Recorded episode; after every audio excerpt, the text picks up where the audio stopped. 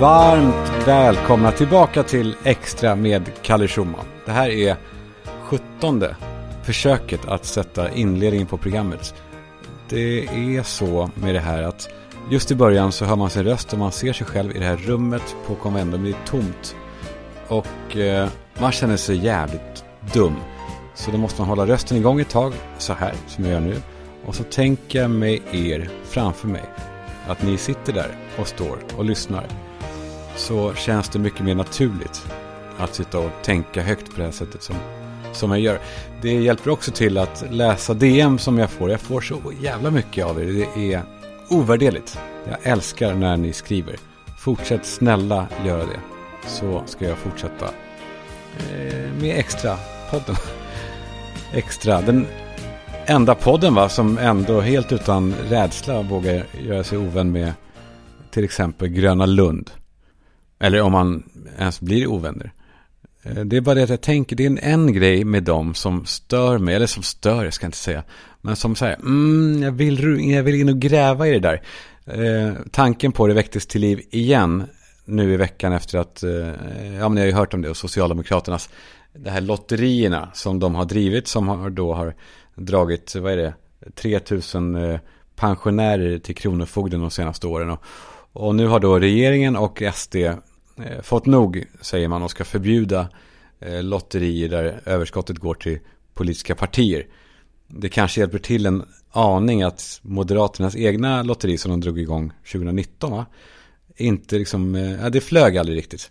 Hade det flugit så är det inte kanske lika självklart att de hade liksom lagstadgat emot den här sortens lotterier. Men, men, men oavsett det så är det ju väl, det är väl sunt eh, att eh, politiska partier inte ska hålla på med, med spel och dobbel.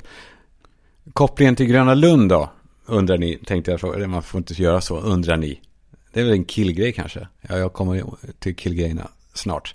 Men kopplingen till Gröna Lund, det är ju deras chokladhjul. Jag tänker på det och skrattar inte nu, för jag har varit på det förr, lite grann, skrapat lite. Men om nu allt spel är så otroligt hårt kontrollerat och lagstadgat hur man får göra, vilken man får rikta sig till och hur stor utdelningsprocent det ska vara och vad det får kosta och eh, vilka förmånstagarna är. Vad pågår då egentligen på Gröna Lund och Liseberg och de andra sådana här eh, ambulerande nöjesfält som åker runt på marknader? Eh, det är alltså chokladhjul, där, där det är bara hela grejen. Där man vinner godis. Man vinner ju kolossala, kolossala chokladkakor då. Fast det är ju inte så. Det, står, det ser ut som att det är 30 kilo. Det är väl ett kilo eh, solskadad, liksom värmeskadad choklad som har blivit sådär vit inuti. Och i praktiken så är det då ett roulettehjul som eh, barn då hetsas att spela på. Eh, ju fler nummer man tar desto större chans att vinna. Och, och det är de inte sena med att säga de här sommarjobbande asen som står där och hetsar. Min dotter Penny, det här var ett par år sedan, ringde hem en gång när hon var där på Gröna med ett par kompisar och, och grät. Och nu, alltså, nu säger jag inte att hur kan ni göra så här mot min Penny? Men det var jävligt målande för barn har inte ändå förmågan att förstå vad spel innebär. Så hon ringde och sa att, att eh, nej, det, hon, hon, har blivit av med alla sina pengar. Hela, sin, hela hennes månadspeng var uppspelad och nu ångrar hon sig då och vill ha tillbaka pengarna. Men de hade sagt nej till det utan att ja, ett spel är ett spel. Eh, pengarna är borta. Det blev ingen vinst för Penny Schulman den dagen. Och det är lätt som sagt att fnissa åt det för det är gulligt och rent i att ett barn spelar bort en månadspeng och, och, och sådär. Det finns ju större problem här i världen. Men sen började jag ändå fundera på det. Hur fan kan det vara lagligt då? Alltså hon skulle ju aldrig i livet få gå och spela på Casino Cosmopol. Där man vinner någonting så, liksom, så abstrakt som pengar. Men godis i som solskadat kolossalformat, det är alltså okej. Okay. Åldersgränserna är då borta. Ja, det kanske är i sin ordning, men jag bara undrar, är det verkligen rimligt? Jag förstår de här, de här lotteriringarna som, som pedofilerna går omkring med på midsommar på hembygdsgården i Sverige. Jag förstår att, att det liksom är harmlöst. Eh, att det kostar fyra kronor och man kan, man kan vinna en, eh, vad det nu är, man vinner en, en, eh, en, en, en, vad heter det, en sån här slöjdad näverskål. Att man har svamp i. Kanske. Det förstår jag. Men det här på Grönan, det sticker. Jag är på jakt efter eh, Niklas Wikman som är eh, finansmarknads, eh, är det? finansmarknadsminister. Som har hand om spelfrågor. Och jag kommer återkomma till honom, eller hoppas jag, nästa vecka om ni vill. För det är väl härligt med ändå lite så äkta konsumentjournalistik. Det tycker jag att det är. Och eh, det är också härligt med äkta grejer som killar gör. För det är ju framförallt där som folk hör av sig. Får ett gäng eh, förslag på vad grejer killar gör varje dag. Och eh, jag älskar det. Det är otroligt. En kille skriver ett mejl, jag tänkte jag läser upp det. Eh, han skriver så här. Jag har en jävligt bra grej som killar gör. Jag fick en sån jävla flashback när jag var ute och käkade. Jag och en kompis sitter vid ett bord och jag har sikt över baren. Och där sitter en lite bitig snubbe. Du vet en sån, man vet inte om man är lite fet eller tränad. Jag vet precis, ni vet också. Okej, eh, han dricker en öl och tittar sig runt. Och så tittar han mot vårt håll då och då. Och jag får ögonkontakt med honom. Och han tittar liksom överlägset bortåt. Och så gör han den här sjuka grejen med nacken. Han vickar skallen liksom långsamt från höger till vänster. Liksom som att han ska visa någon sorts styrka. Vad i helvete är det här ens? Eh, det är lysande. En sån grej är det många killar som gör. Och vad är det de vill signalera? Är? Att, de har, att de är så jävla starka. Att de ska stretcha inför en fight eller någonting. För man minns ju det ibland så ser man ju eh, killar på filmer va, som håller på. De, sätter, de flätar samman alla fingrar och så vänder de ut och in. Och så, så att det knakar va. Och det, de gör sig i ordning för en fight. Som att de ska slåss med fingerled eller någonting. Jag vet inte, vad, vad vill de visa med det? Samma sak är det med nacken, att de liksom trycker den från sida till sida. Och det ska ju komma så här lite broskknak, eller hur? Som att nu jävlar, nu, nu vankas det smörj. Bra, tack för den spaningen om grejer killar gör. En annan sak som eh, killar också gör, har jag fått tips om här. Killar kidnappar ibland andras berättande på ett helt sjukt sätt. Som, ja, tjejer gör inte så. Och eh, ja, det är också ett mejl som jag fått där han skriver så här. Det här har pågått länge men det upphör aldrig och är ständigt närvarande i mängder av poddar. Någon berättar en anekdot ur sitt liv och det här mynnar ut i någonting överraskande, eh, positivt eller negativt. Och samtalspartnern som får det här berättat för sig brister ut i att du ser, du ser. Vad är det frågan om? Undrar då skribenten. Det närmaste jag kan komma fram till, skriver han vidare, det är att det här är något som liknar begreppet vad var det jag sa? Fast utan att individen ens har sagt någonting. Eftersom, ja, de visste ju ingenting. Och ja, ni ser. Ni ser. Det är ett perfekt exempel på grejer killar gör. Lite samma sak eh, är det ju med killars sätt att lägga in. Förstår du? Förstår du mig? Det kan de lägga dem in i när de, när de berättar någonting. Ulf Kristersson gör det en del. Nu eh, måste man hålla två saker i huvudet samtidigt, förstår du mig? Då måste man tänka både på det och på det, förstår du mig? Är du med mig nu? Så kan de också säga. Är du med, är du med mig nu? Förstår du vad jag menar? Som att man är så här, sitter och nickar ivrigt och lyssnar på, på magistern. Det är också en form av liksom maktövertagande mitt i någon annans berättelse som killar håller på med. Tjejer inte. Väl? Killar gör mycket grejer. Det är alltså som när man är ute och möter någon, när man är ute och powerwalkar. Det här lilla, det här lilla ljudet när man möter någon. Man vill liksom visa att man är vänlig. Man, här kommer jag, där är du, vi vill inte varandra illa, vi bara... Det är svårare att vara kille när man är ute och går på kvällen. Och det är ödsligt. Det här är ju så här dilemma för killar. Man är ute och går på kvällen, det är ödsligt och man ser en ensam tjej som går på gatan och så vill man ju visa henne på alla sätt att man inte är någon fara, att man inte är ett hot. Och man försöker gå liksom lite snällt på något sätt. Man försöker gå som att jag, jag, jag är ingen farlig typ, jag är en glad liten skit bara. Och så börjar man typ, man börjar typ spankulera med händerna på ryggen för att visa hur, hur ofarlig man är. Man kanske också man, man går runt och visslar för att visa också, det här är inte en våldtäktsman. Hon behöver inte, du behöver inte vara rädd för mig, för jag går och visslar. Och hon kanske inte alls är rädd. Men man tänker ändå att man vill göra henne tvärsäker på att det här är ingen fara.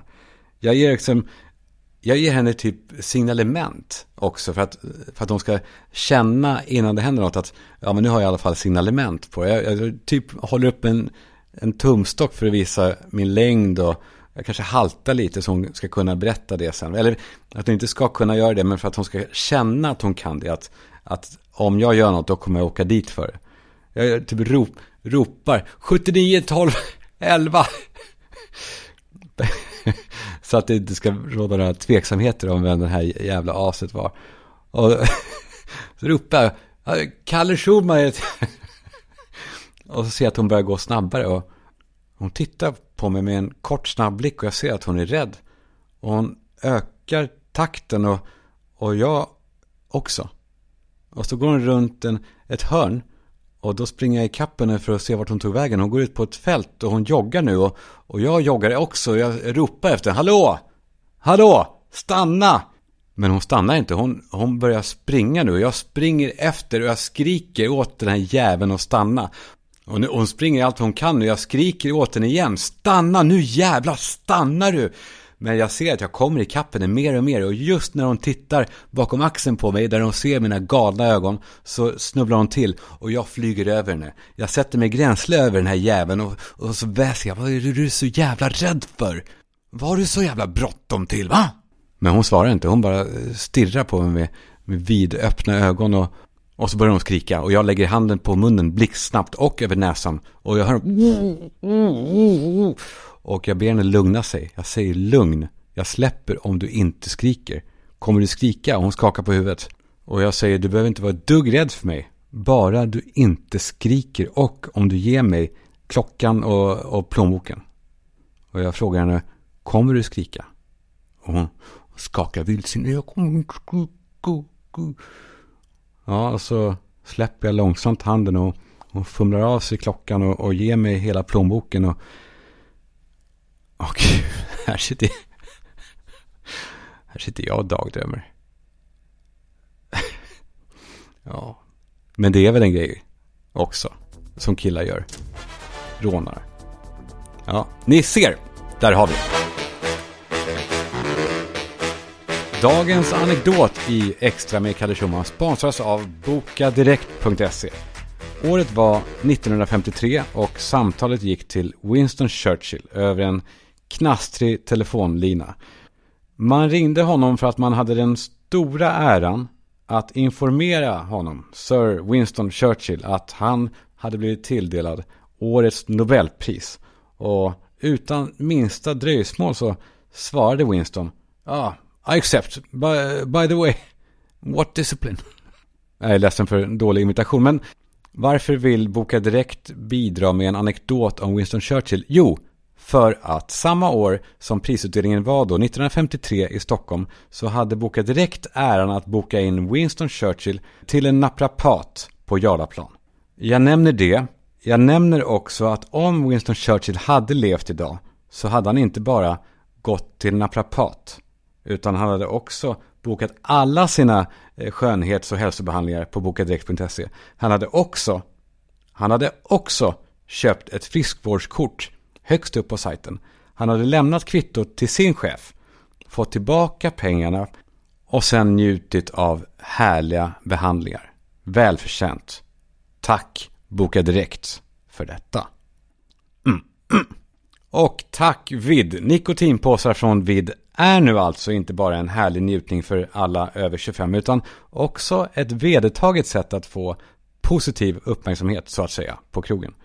Och det är här det blir lite dubbelt. För vi som använder vid, vi behöver liksom inte den här uppmärksamheten. Förstår ni den frustrationen liksom? Det var som, som, som, när man är upptagen och i ett förhållande, då får man plötsligt massa blickar. Hur kommer det här sig? För det var ju när man var singel som man ville ha uppmärksamheten och bekräftelsen. Men, men då gick man runt på helspänn och liksom man försökte stirra hem folk. Och det är väl så med alla juniorer där ute som går runt med annat snus än vidd. Att de liksom, nej, nej, det vill sig inte för dem. Det, det, det funkar inte, det lirar inte riktigt för dem. De, eh, Nej, det vill sig inte. Så var en good sport och introducera den här osäkra stackars människan som du inte vill se för. Introducera honom för vid. Ge, ge honom en dosa kanske. Och säg gå ut nu. Lycka till. Eh, eh, var, var, var lite mer som jag. För det är ju faktiskt så att världen behöver fler sköna typer. Inte färre. Nej. Tack vid. Jag har ju hållit på ältat de senaste veckorna om den här eh, så kallade processen som jag har befunnit mig i. Eller egentligen är det ju någonting som alla befinner sig i hela tiden. För vi rör ju på oss. Och, och det är ju någonting bra. Alltså man, att man vill framåt. Man vill... Eh, ja, man strävar efter någonting. Och man vet kanske inte riktigt vad. Men någonting är det. Ja, så ibland så tar man ett litet, liksom ett språng, eller hur? Alltså man tar ett beslut, så här, men nu gör jag det. Nu startar den här kursen eller nu gör jag den där grejen, vad det nu är. Och det slog mig att när man sätter igång ett sånt här språng, då kan man liksom inte resa sig och gå mitt i, som man ofta kan annars. Alltså det är samma känsla som hos tandläkaren. Man har en rotfyllning och man ligger där med en sån här kofferdamm gummiduk uppspänd och den klämmer lite i en löp också. Och eh, de håller på och gojsar. Det är, det är hela tanden är öppen rakt ner, rända ner i käken liksom. Och man hör tandläkaren säga bokstäver och siffror. Och, och, och sköterskan donar med sitt och kommer med, med sugen. Jag minns, jag hade en, en kvinnlig tandläkare. Fan, jag vet, det här är ändå, det är någonting. Jag, hade, jag var kanske typ 20-25. Nu ringer Tom Allan. Vi ser vad han vill. Ja. Jag kommer snart. Jag spelar in lite stund till, sen kommer jag direkt hem. Okej. Okej? Okay. Har du borstat? Eh, nej. Gå och gör det då, så kommer jag snart. Okej. Okej, okay, puss. Hej. Hej. Han säger aldrig puss. Det är någon grej där. Jag fortsätter säga puss. Han säger aldrig puss. Skit i det. Jag var hos tandläkaren. Jo, just det. Det var en tandläkare jag gick till när jag var 20-25 någonting. Och hon, eh, hon hade alltid sina bröst mot mig. Eh, alltså, den var liksom, alltså jag hade, jag hade hennes bröst mot min kind. Och mot, alltså mina armar. Hon typ la brösten över armarna. Och jag reagerade inte då. Men nu i efterhand så tänker jag på att det kanske var någon form av, eh, liksom, jag, vet, jag ska inte säga övergrepp. Jag, jag, kan inte säga att jag hatar det heller kanske. Det kanske var spännande då. Men jag tänker på det nu, att så gör man inte. Hon behöver inte ha sina bröst i, på mina kinder när hon jobbar med mina tänder. Eller? Ja, eh, skit i det. Hon hade det alltså varje gång. Det var inte bara så att hon hade en gång, hon hade det varje gång. Eh, ja, hur som helst. Man kan ju alltså inte resa sig och gå när man sitter där med alla, alla öppna kronor och hål rakt ner i, i käken. Och ett regn av tuttar över hela kroppen. Man måste liksom göra klart processen när man har påbörjat den. Det går inte bara att gå ut och fixa ihop det där på egen hand. Och samma sak så är det med sådana här, såna här språng som man gör ibland. Att man måste fortsätta. Man måste sy igen allting som man har öppnat och tittat på. Och och jag tänker på att många är ute efter, en, en, en, många är ute efter lyckan på något sätt. Alltså i den här rörelsen framåt. Och det är en fara tror jag. Att man förväntar sig att den ska liksom bara komma. Att det är som en eh, vägskylt, så där kom lyckan. Och då är man, vadå, är man färdig då? Liksom, det är man ju aldrig någonsin, för då kommer ju nya skyltar längre fram. Men, ja, men det är ju en av nackdelarna med den här kulturen som vi lever i sen typ 50-60 år. Att vi liksom matas med en bild av, ja men till exempel, vi matas med en bild av den här, den stora romantiken i filmerna vi ser. Och ja, men också kontona vi följer såklart, men den är ganska uttjatad med den här Instagram-verkligheten som är fejkad. Det vet man ju typ om. Alltså med Instagram-konton blir det mer typ en sport eh, att se att den som liksom beskriver sig själv som lyckligast är den som mår mest piss. Och då blir det nästan underhållande ju. Men jag, jag menar liksom, ja, men kärlekshistorier i filmer. Där känslor är så starka och omvälvande. Och så tittar alla då på sig själva och sina liv och känner inte alls samma sak. Det är ingen som har ett sånt otroligt himlastormande eh, kärleksfyrverkeri. Liksom, det ser inte ut så. Men vi matas då år efter år, generationer också nu. Alltså, en fullmåne på film är ju liksom otrolig. Och så tittar man upp mot våran lilla liksom, mediokra pissmåne som bara är en vit prick. Och man försöker ta en bild på den och det blir bara, det blir bara, det blir bara en påminnelse av att vi har det liksom sämre än kanske alla andra, tror man. Och man undrar, vad gör det här med människor i, i långa loppet? Men jag tänker på det nu med månen, för jag läste en artikel om eh, Samsung har en, en ny telefon som ska ha en helt otrolig kamera. Som man då riktar upp mot månen och tar en bild och zoomar in. Då ser man alltså kratrarna. Man ser månen helt perfekt. Alltså helt, den är helt sjuk, den här kameran. Tror man. Tills man fattar att, nej men att det är inte så. Det kommer alltså då fram att telefonen förstår att det är månen man tar bild på.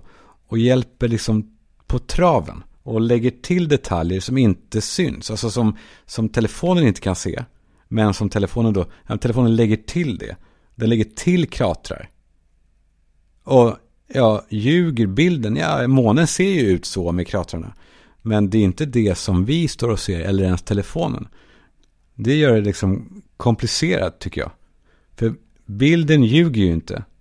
Men man kan ju inte heller säga att, att, man, att man själv har tagit den liksom. Och nu tänkte jag knyta ihop säcken för det här ämnet. Ni som vill att jag ska knyta ihop varenda jävla säck hela tiden. Här har vi en säck och nu är den knuten. Nu går vi vidare i extra. Jag har ingenting emot människor som fortfarande umgås med sina barndomsvänner. Det måste man ju väl, jag måste säga det först och främst. Men, men det är någonting, nej jag vet inte, det är någonting, jag vet det kanske är avundsjuka då.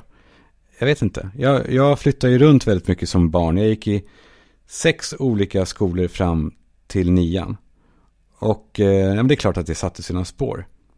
Eh, jag liksom jag tvingades byta vänner väldigt ofta och kanske redan när jag träffar en ny vän så, så började jag kanske redan eh, räkna bort dem för jag visste att jag kommer snart flytta igen. Och, och ja, men det är väl klart, det är också beteenden som sitter i nu i vuxen ålder. Men så är jag ju också eh, kille. Och killar är väl kanske generellt lite lösare i, liksom, i förhållanden till sina vänner än vad, än vad tjejer är. Tjejer känns mycket mer tajta liksom. Tjejer ringer varandra utan att, liksom, utan att ha något särskilt att säga. Medan killar är så här, oh, då ses vi 15.00 medelst Glock.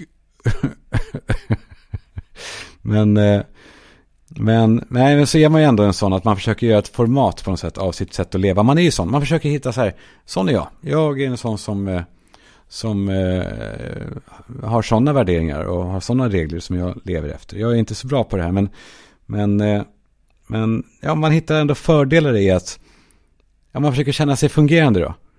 Och det innebär ju då att man blir skeptisk, som jag då, till, till att folk umgås med sina barndomsvänner. Och man kanske tycker att det är lite perverst och lite, ja men så här, fan hörru, eh, ifrågasätt lite kan det väl. Alltså, man hör folk att, ja men jag är, vi är bästisar sen, sen lekis. Och jag tänker på det att, alltså det de hade unikt tillsammans då, det var att de råkade vara snoriga ihop en gång i tiden. Och så bara, jaha, okej. Okay. Vi, du snorar, jag snorar, vi, vi snorar ihop och så är vi bara, vi fortsätter. Jag ska vara tärna på ditt bröllop och sånt. Ingenting som ifrågasätts. Utan man bara tar det så här, ja men det är så. Vi är vänner. Ja, det känns ett ämne det här, jag vet. Och det är kanske, jag vill inte vara, jag vill inte trampa någon på tårna. För ni kan ju alltid tänka då att men det var Kalle som är en sorglig liten jävel som, som inte har barndomsbästisar. Men jag undrar ändå hur mycket man anpassar sig. Och hur mycket man hålls tillbaka av att vara bästis med någon. Sen liksom alla tider. om jag då ska hitta liksom fel kanske, då skulle jag kanske, ja men jag, jag skulle tro att man, nej men man kanske konserveras lite, man kanske inte utvecklas som man kanske vill. Man kanske liksom blir stoppad i utvecklingen av att den här kompisen tycker att man ska vara på ett visst sätt och så av artighet så fortsätter man vara det. Man kanske inte riktigt, man kanske inte blir den man var menad att bli.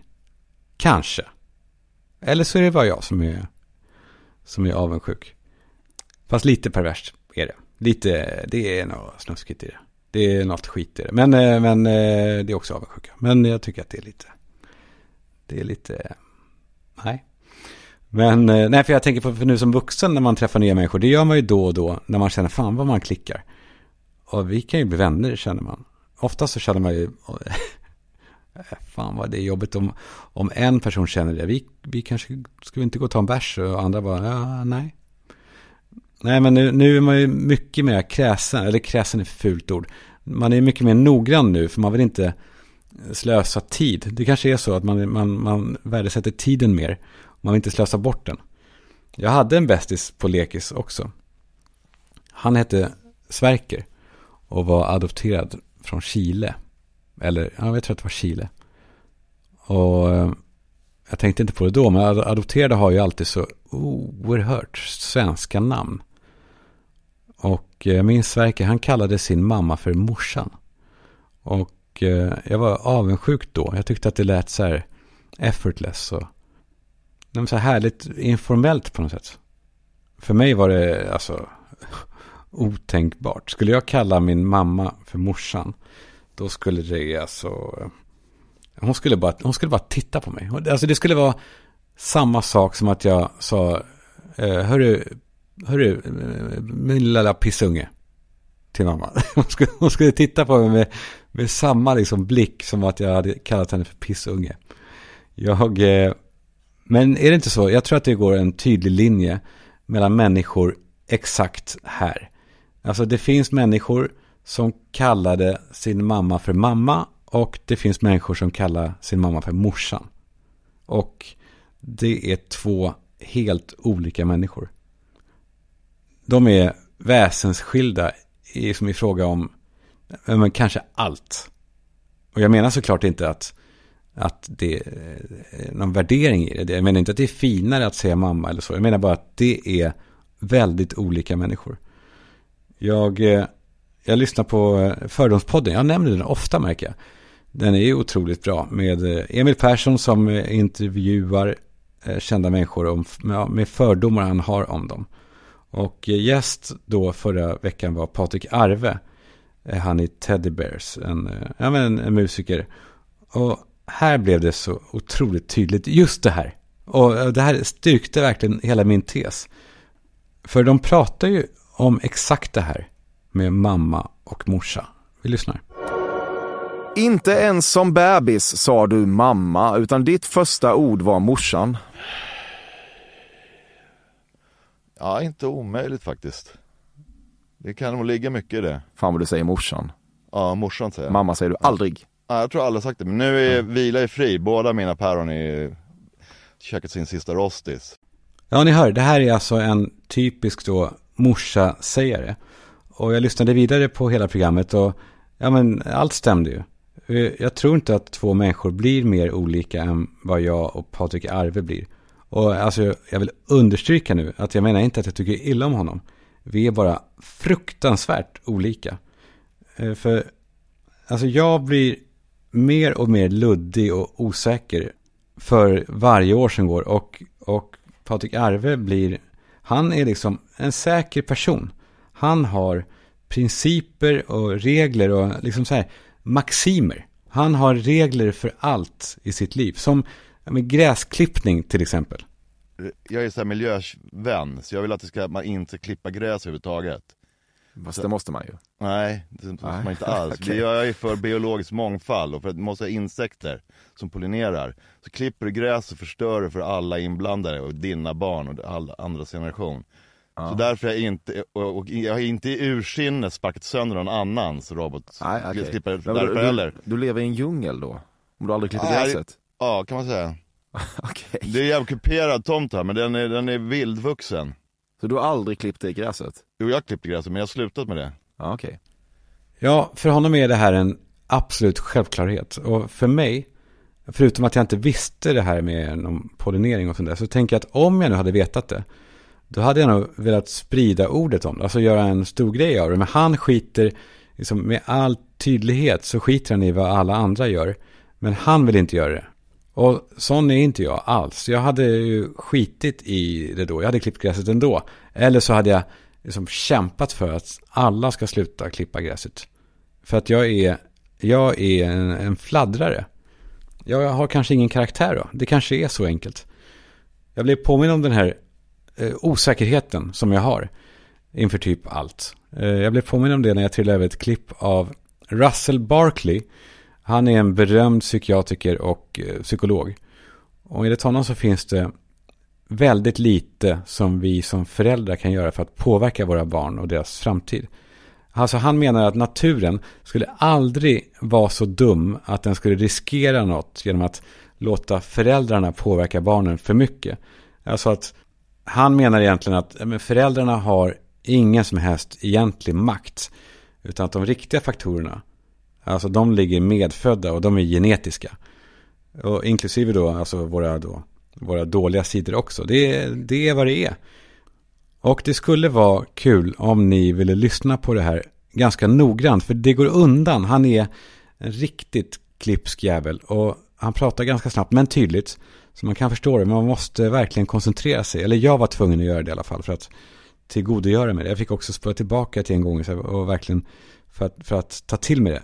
Och gör man det så är det, det är fan intressant det han säger. Eh, så ge mig nu de här minuterna och lyssna noga på det han säger. Så ses vi på andra sidan. You need to understand something that parents these days have long since forgot and are going to have to relearn again. Your grandparents knew this, but today's generation of parents doesn't seem to. And that is, you do not get to design your children. Nature would never have permitted that to happen. Evolution would not have allowed a generation of a species to be so influenced by the previous generation. It hasn't happened, and it doesn't happen, and it especially doesn't happen in children. You do not design your children.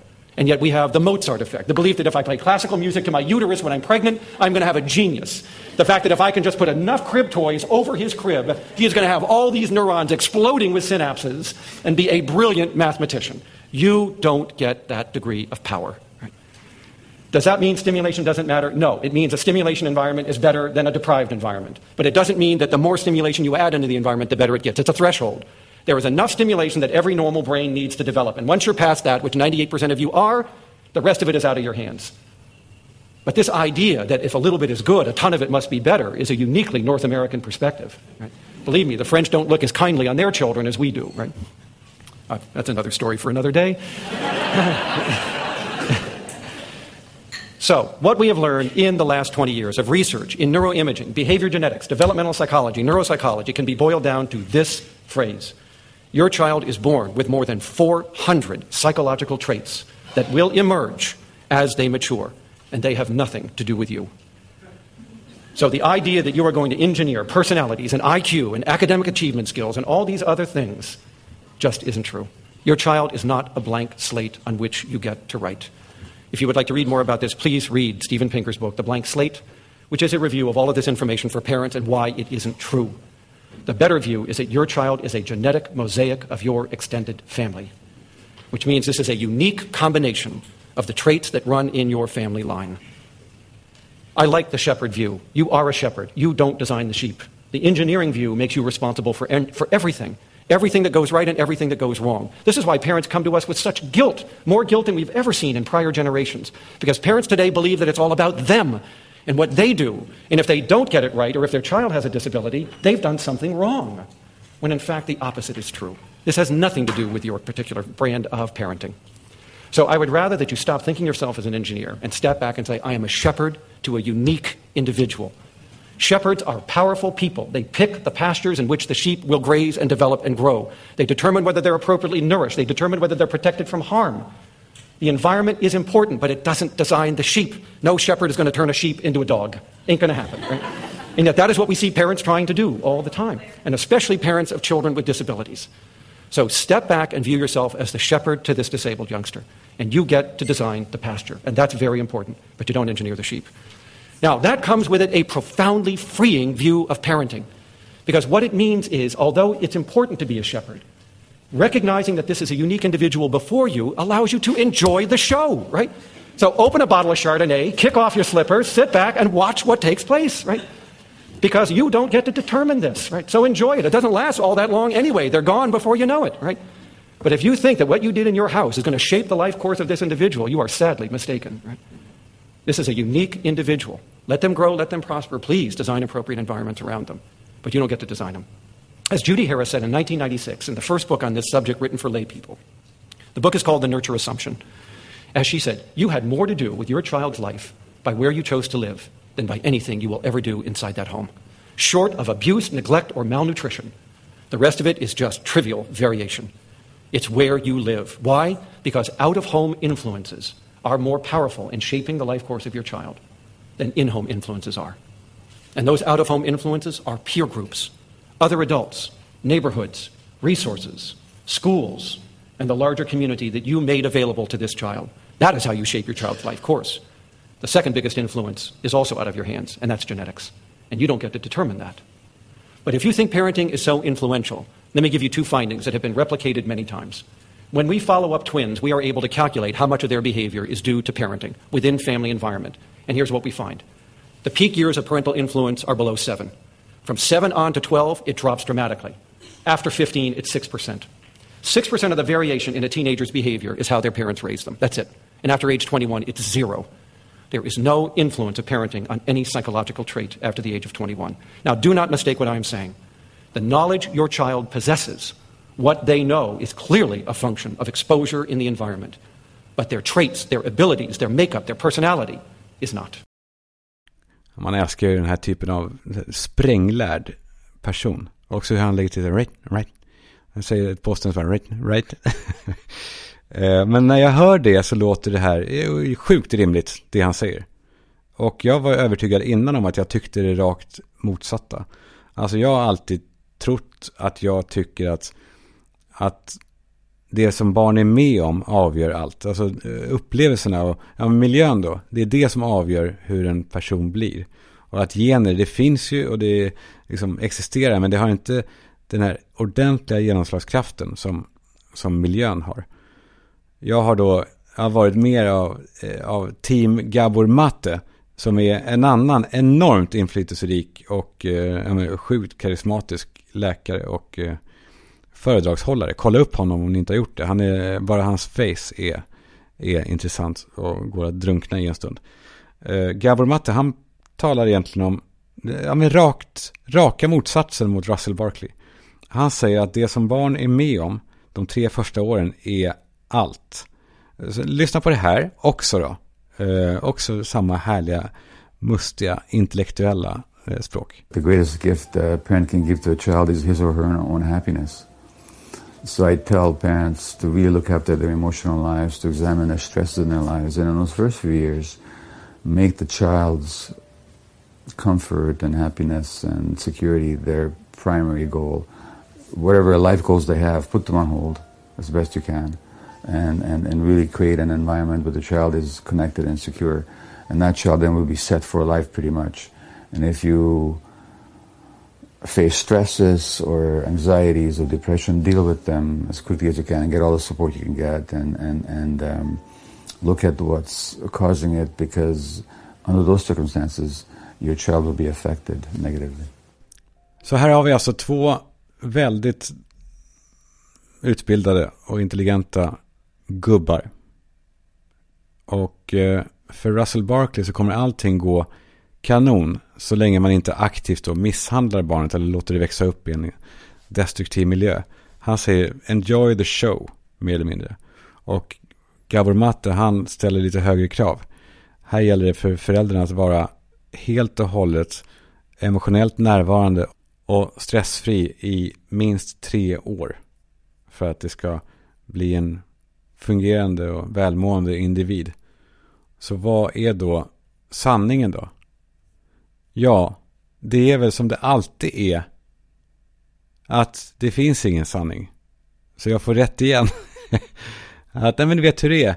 Man ska ta ett beslut och utfallet kan bli A eller B. Och det blir C. Alltid. Och det var det. det var inte mer än så idag. Eh, tack för att ni lyssnar hörni. Eh, fortsätt gärna. Jag är tillbaka på torsdag med Extra Extra, jag och Sorbas Newton. Och eh, men på onsdagar så hör ni mig också i Bord för tre. Den är ju, där kan man skratta på lattjo. Jag och Värmlandspöjkra, eh, Matti och Johan. Nu ska jag sätta mig på min elbåge och åka hem och pussa på en antagligen sovandes Tom Allan. Eh, det är sorgligt tycker jag. Han ringer och frågar när kommer du? Och jag jobbar. Mm.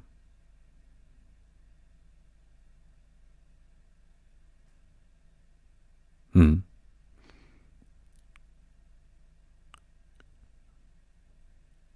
Fan hörni, sån här tystnad.